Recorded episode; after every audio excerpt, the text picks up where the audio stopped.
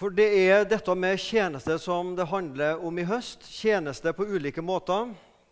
På hjemmesida vår så er det en fane som heter Media. Klikk deg inn der, så ligger alle talene som har vært holdt. Da vil du høre Det er ulike innfallsvinkler på tjeneste vi har hatt. Vi starta å snakke med at Jesus tjener oss. Det er jo grunnlaget for all vår tjeneste for han, det er at han tjener oss. Og så um, ligger det flere taler der. Og uh, i dag blir det om penger. Givertjeneste. Det skulle være oppe også, sa Elisabeth Berg, søndagsskolelederen. Så oppfordrer dere voksne til å bli med der og ikke her. Det kan dere angre på, for dere må gi mer etter å sitte og høre på meg enn å høre på dem opp. Bare så du er advart. Jeg ber også litt, jeg. Kjære Herre Jesus, takk for du har kalt oss i tjeneste. Takk for du ga ditt liv. Takk for nåden er gratis, frelsa er gratis, troa er gratis. Takk for at der betyr penger ingenting. Men jeg ber om at den kjærligheten du ga til meg, at den kan bli en så sterk drivkraft i mitt hjerte um, at det også påvirker pengeboka og bankkontoen Jesus. Takk for at du rører ved hver enkelt av oss når det gjelder givertjeneste. Amen. Det handler om å få og gi. Og Vi skal starte med å lese to bibelvers fra Nytestamentet. Husk de ordene Herren Jesus selv sa. Det er saligere å gi enn å få. Apostlenes gjerninger 2035. Det er det eneste plassen i Nytestamentet at et ord av Jesus er sitert uten at Jesus sier det sjøl. Bare som en liten digresjon.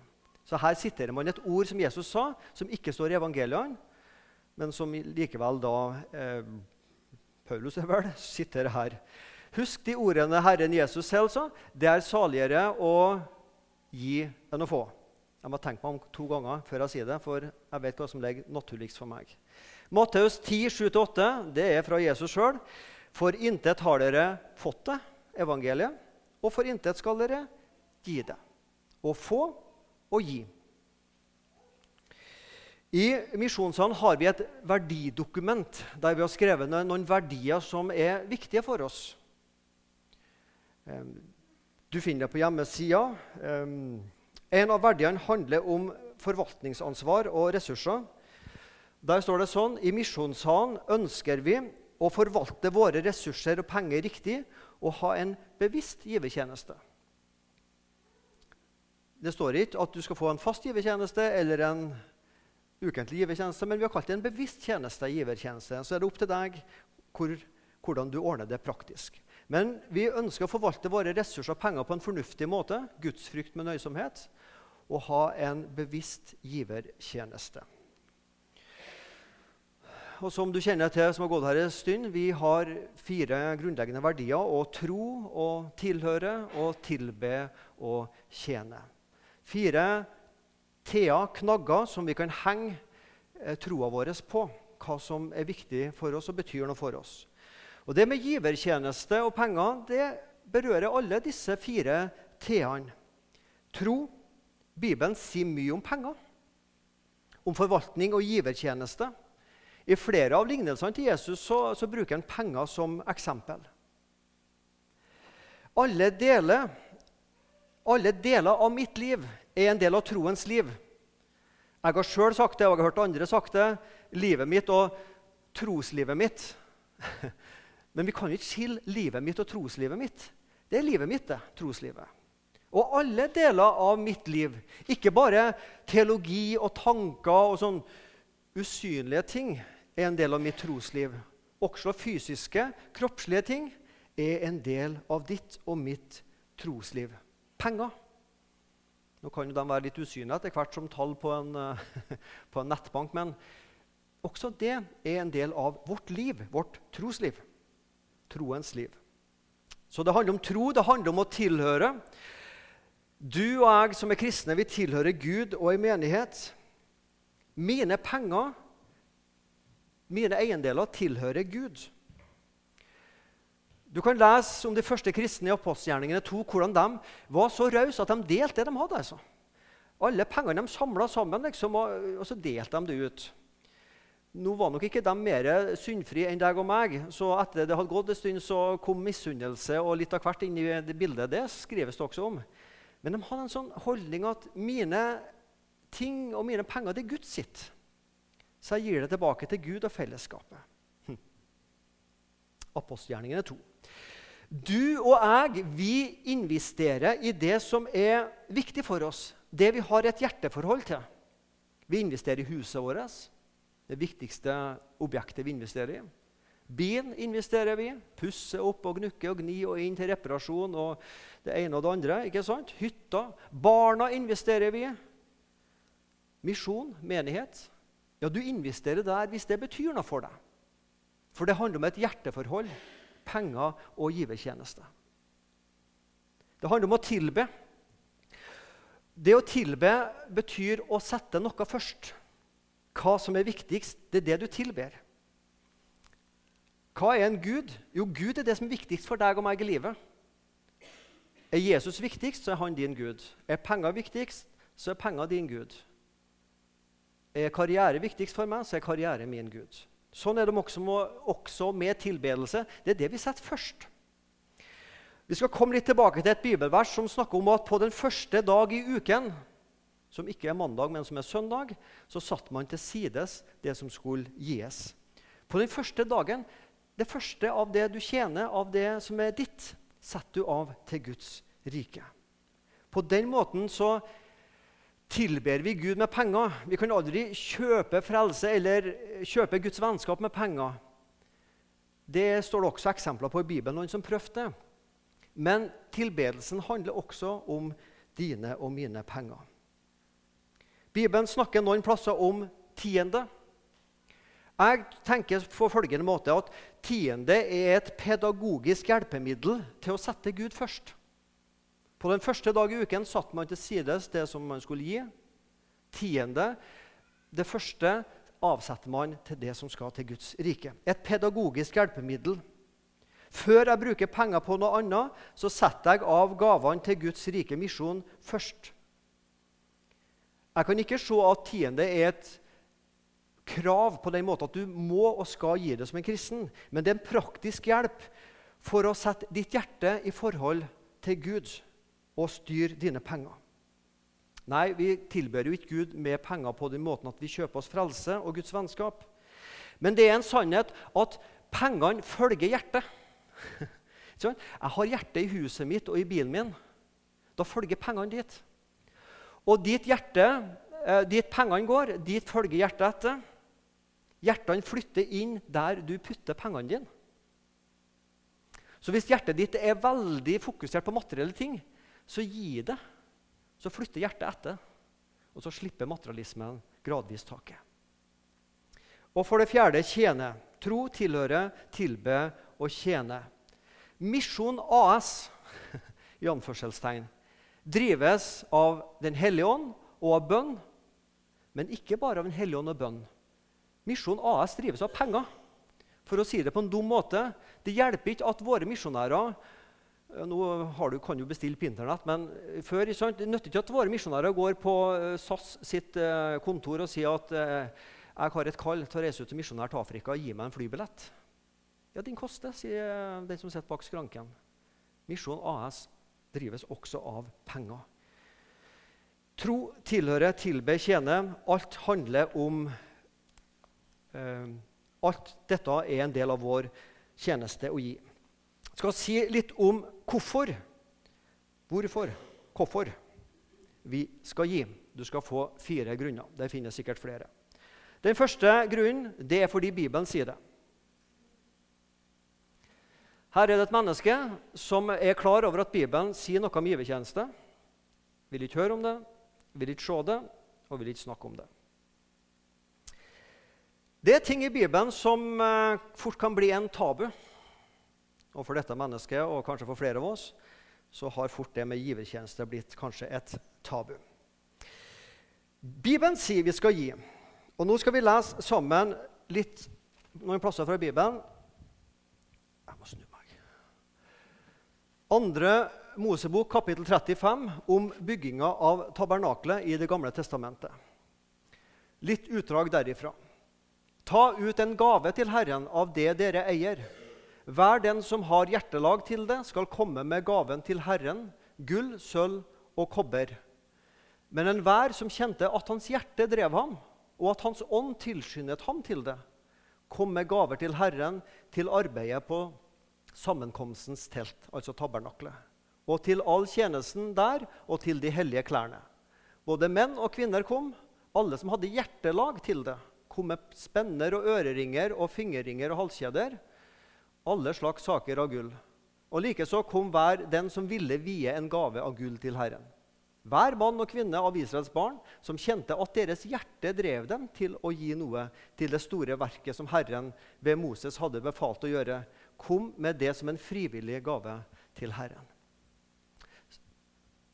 I en av krønikebøkene også så står det litt om dette her, og, og flere plasser. Men her møter du et viktig prinsipp. Det handler om et hjertelag.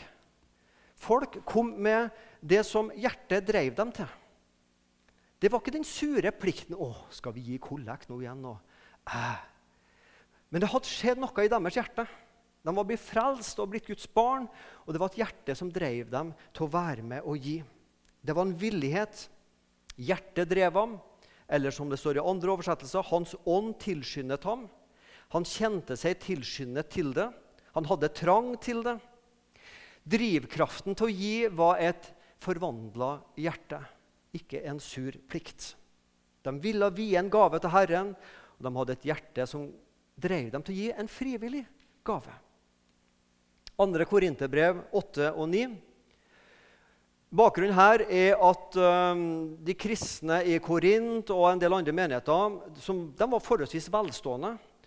Og så hadde de fått evangeliet av eh, Paulus og de første kristne i Jerusalem. Og De var atskillig fattigere, så det ble bestemt det skulle samles inn en gave til de kristne i Jerusalem. Og Så skriver Paulus til korinterne om innsamlinga som er på gang. Og så bruker han da de kristne i Makedonia som et eksempel, for dem de var bra med givertjenester. Brødre og søstre, nå vil vi fortelle dere om den nåde Gud har gitt menighetene i Makedonia.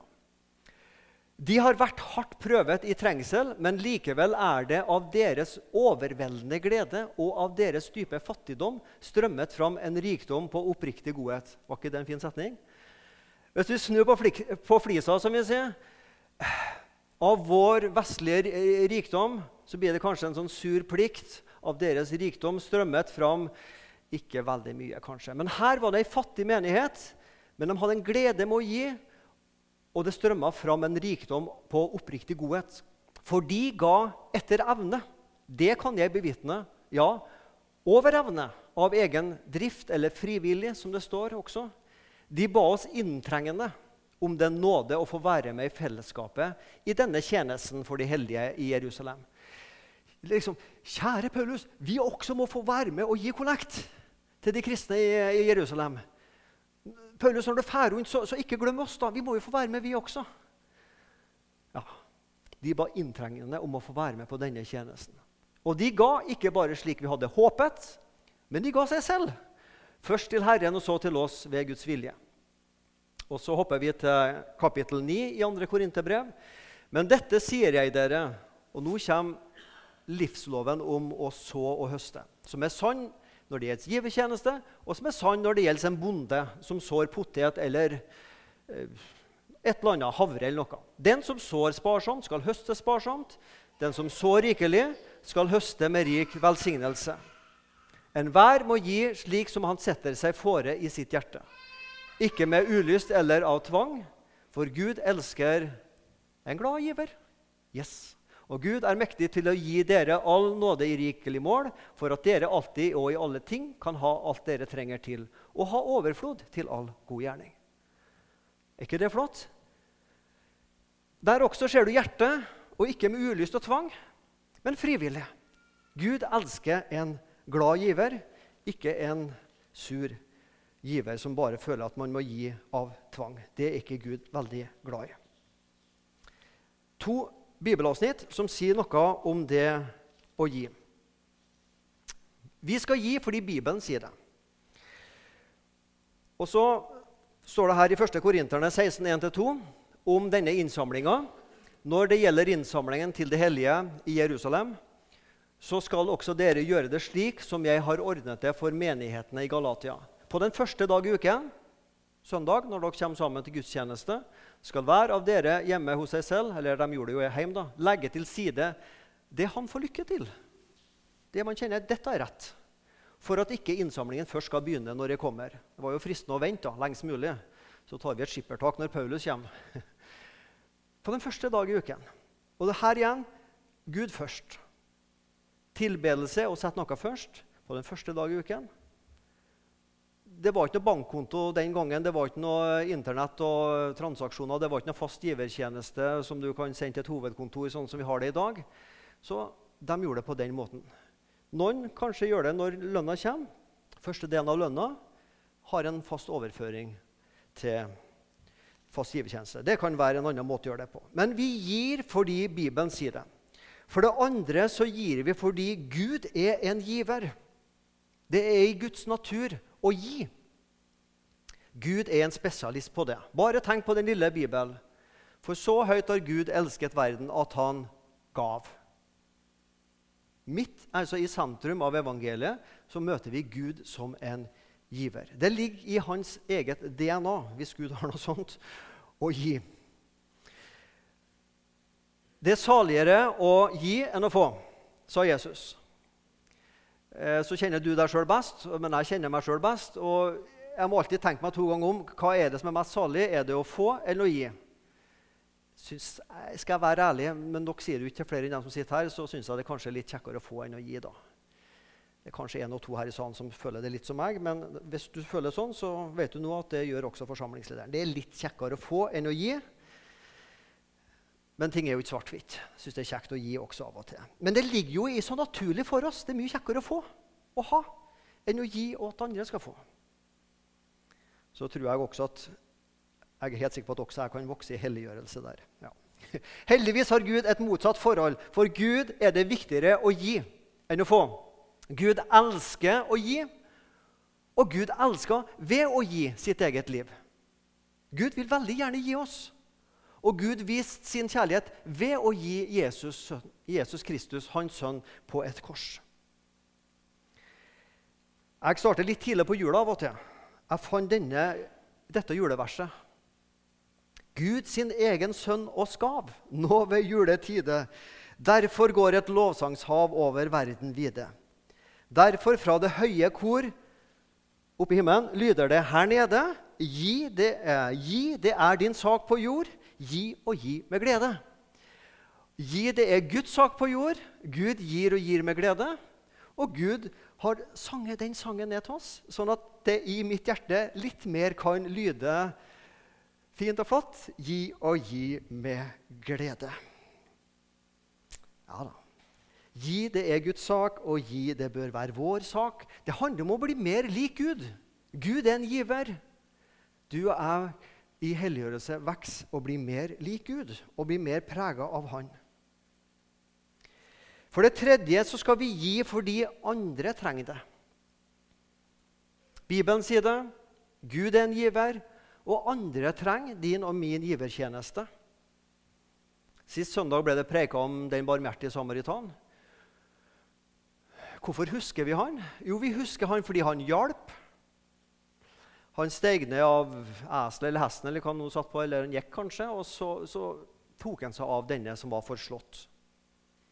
Det kosta han tid, penger og krefter. Offer Ordet offer staves tid, penger, krefter. Minst én av dem. For de andre trenger det. Det svir litt. Har du vært med i Kirke og Misjon noen år, så har du hørt om dette med fast givertjeneste. Og det jeg nå sier, har jeg sjøl sagt, og jeg har hørt mange sagt det. Ja, men Det er så fint med fast givertjeneste, for da går det litt ut av kontoen hver måned. Du merker det ikke. Jeg har også sett på reklamert for fast givertjeneste med å si sånn Du merker det ikke. Helt til en predikant sa det, og han har så rett. Det skal merkes. Gjør det noe om det merkes? da? Altså Når det ikke merkes, hva slags offer er det? Det skal merkes.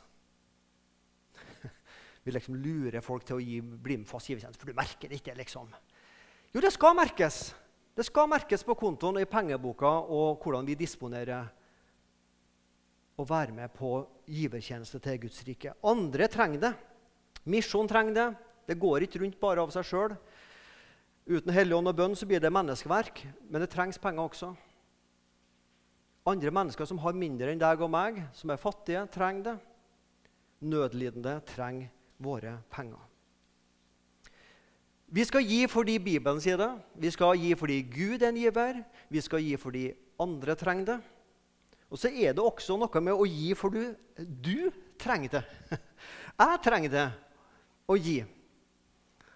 Jeg skulle gjerne hatt det som han har under brillene, der, men uh, han har, hans gud er pengene. Hvorfor trenger du og jeg å gi? For jo, fordi hver gang du og jeg gir, så blir vi litt mindre materialist.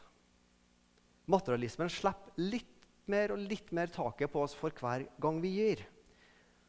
Det fins kun én medisin mot materialisme, og det er å gi. For da for måte, får du gi det fra deg til andre, mennesker eller misjon. Så slipper det taket på deg. Den erfaringa har vi gjort når vi har en ting i huset og tenkt jeg skal kaste den tingen der, men nei, nei jeg må beholde det en måned til iallfall. Ett år til. Nå er tid å kaste. Til slutt så bare kaster du det, og så kjenner du en sånn ah, Det var deilig å bli kvitt det egentlig også. Sånn er det også med Vi gir fra oss noe, så slipper materialismen taket på oss. Mammons makt i mitt liv svekkes. Det handler om helliggjørelse, tilbedelse, å sette Gud først i bankkontoen, i pengeboka. Det handler om at uh, pengenes plass i mitt og ditt liv styres av et hjerteforhold. Det sies det at det siste som omvendes, hva er det? Det er pengeboka og kontoen. ja, ja. Vi får prøve oss sjøl. Vi skal være med å gi fordi Bibelen sier det, fordi Gud er en giver, fordi andre trenger det, men også fordi du trenger å gi. Jeg skal bruke de siste minuttene og gi noen gavetips. Givertips. For det første så er det et valg du må ta, en holdning. Skal det være plan over givertjenester, eller skal det være tilfeldig? Jeg tror litt for mange styres av tilfeldighet, kanskje færre nå når vi har fått fast givertjenesteordning. Men, men før var det nok mer at eh, hva jeg ga, det styrtes av hvor ofte jeg gikk på et møte. Men la ikke møtefrekvens styre din givertjeneste. Bestem deg for å ha en plan over det. Bestem deg for et fast beløp du gir. Kanskje ukentlig eller månedlig det, eller årlig. Det får være opp til deg. Uh, skal jeg snakke om bestefar din, Sven Folløen. Han var, For dere som ikke kjenner det navnet, han var en uh, markant predikant her i Rogaland for 50-60-70 år siden. Han var en mester å få inn penger. Han gikk i skattelistene, så så han hvor mye misjonsfolket tjente. Så gikk han på og sa du tjener såpass mye. Aha. Businessman, vet du. Hæ? Driver med biler, vet du. Ja, ja. ja det var jo, sa ikke Sven Follien, for det var jo ikke biler den gangen, men nå så jeg på deg. Liksom, du og du, ja, ja, dere se hva du tjener. Du skal gi så og så mye til Tryggheim ungdomsskole, som det het den gangen, på Jæren. Og han da som ble utfordra, sa eh, det får være en sak mellom meg og Vår Herre, det, sa han. Hørtes jo fromt ut. Hvorpå Sven Folløen sa du må for all del ikke blande inn Vår Herre, for da må du gi dobbelt så mye. Kan du bekrefte at det er sant?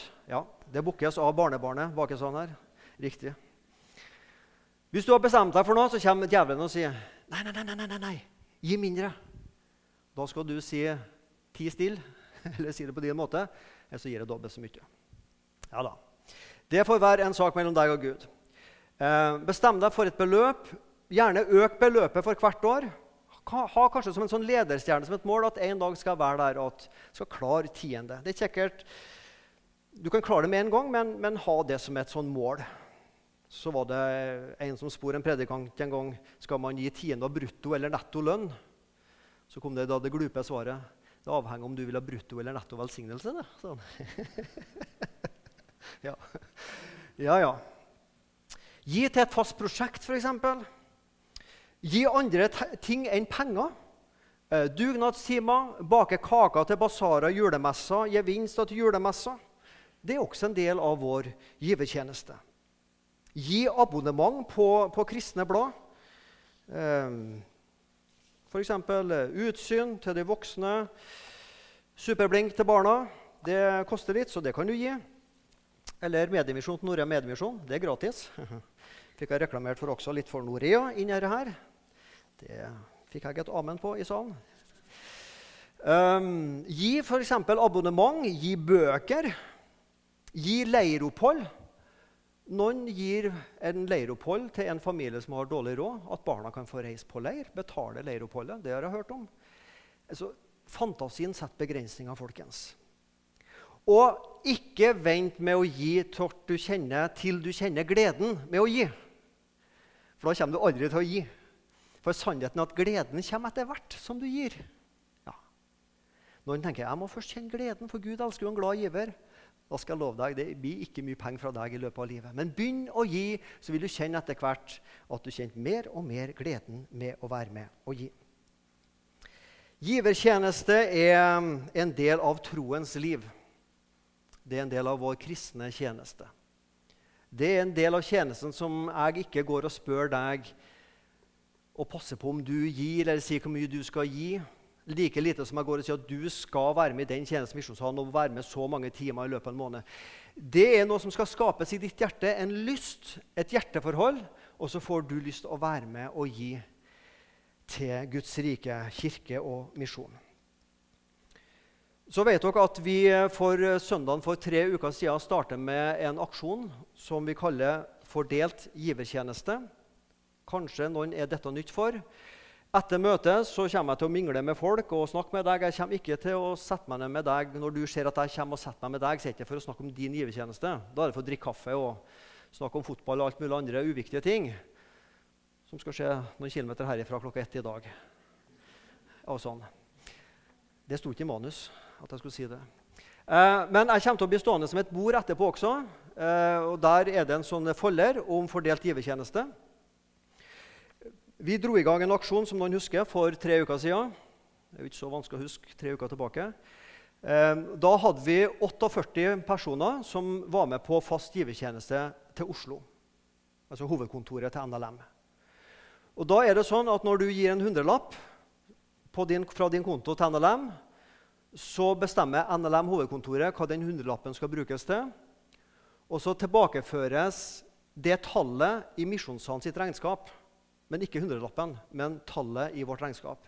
Og du får 23% fradrag på skatten for det. Så du gir 100 til NLM, og 23 av de kronene eh, kommer Erna Solberg og gir deg tilbake i din lommebok. Sånn fungerer det. Fordelt givertjeneste er sånn at når du nå sender en hundrelapp til Oslo, så blir 60 kroner igjen i Oslo, som går til misjonærer og driften av NLM. Og så går 40 kroner tilbake konkret til oss. 20 kroner går til driften av menigheten, og 20 kroner går til eh, investeringer i forbindelse med brannstasjonen. Driften av det. Det er en, fordelt, en, fordeling mellom hovedkontoret og oss. Før vi starta denne aksjonen, hadde vi 48 givere. Eh, når jeg var sist inne og kikka i morges, så er det nå 63 givere. Bare for det sagt, Jeg ser ikke hvem som gir, jeg ser ikke beløp, jeg ser kun totalbeløp. og jeg vet ikke hvem som er med. bare så Det er sagt. Det er det ingen her som vet. Det er det kun Oslo. Bare så dere er trygge på det. Det var 31 på den vanlige givertjenesten som vi har hatt. Uh, så mange har jo da skifta over til fordelt, og det var 32 på fordelt givertjeneste. Og så har vi sagt at uh, med nyhetsmailen som blir sendt ut nå på onsdag, 14.11., så skal vi gå ut med tallet på hvor mye vi har øka. Vi starta på 668 000, som da disse 48 har lovt over en års, i løpet av et år. Det er så beløp som er lovd, ikke som er gitt, men som er lovt. 48 personer, 668 000. Og så skal vi da på onsdagen gå ut med det tallet, som per nå er 63 personer.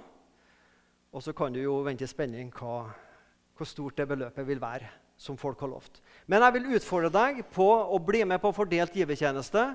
Snakk med meg. Jeg vil være en del baki her etterpå i matsalen og stå med et bord, og du kan komme og snakke med meg hvordan du gjør det. Gud har gitt alt. Gud ga sitt liv. Og vår givertjeneste er ikke en tilbakebetaling på frelsa.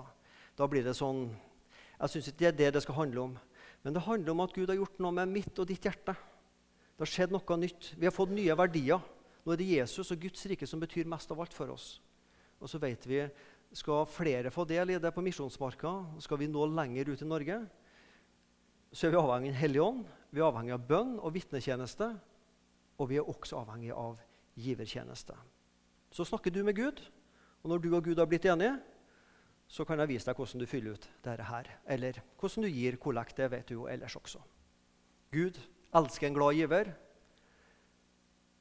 Du blir mer og mer glad jo mer og mer du gir. Kjære Herre Jesus Kristus. Du vet, Av og til kan jeg føle meg som en gnier, og det sitter hardt i å gi noe. Må du gjøre noe med mitt hjerte, og jeg vet du har gjort noe med mitt hjerte. Må du gjøre noe med våre hjerter til oss som sitter her, for du viser hver enkelt hva som er fornuftig og rett å gi.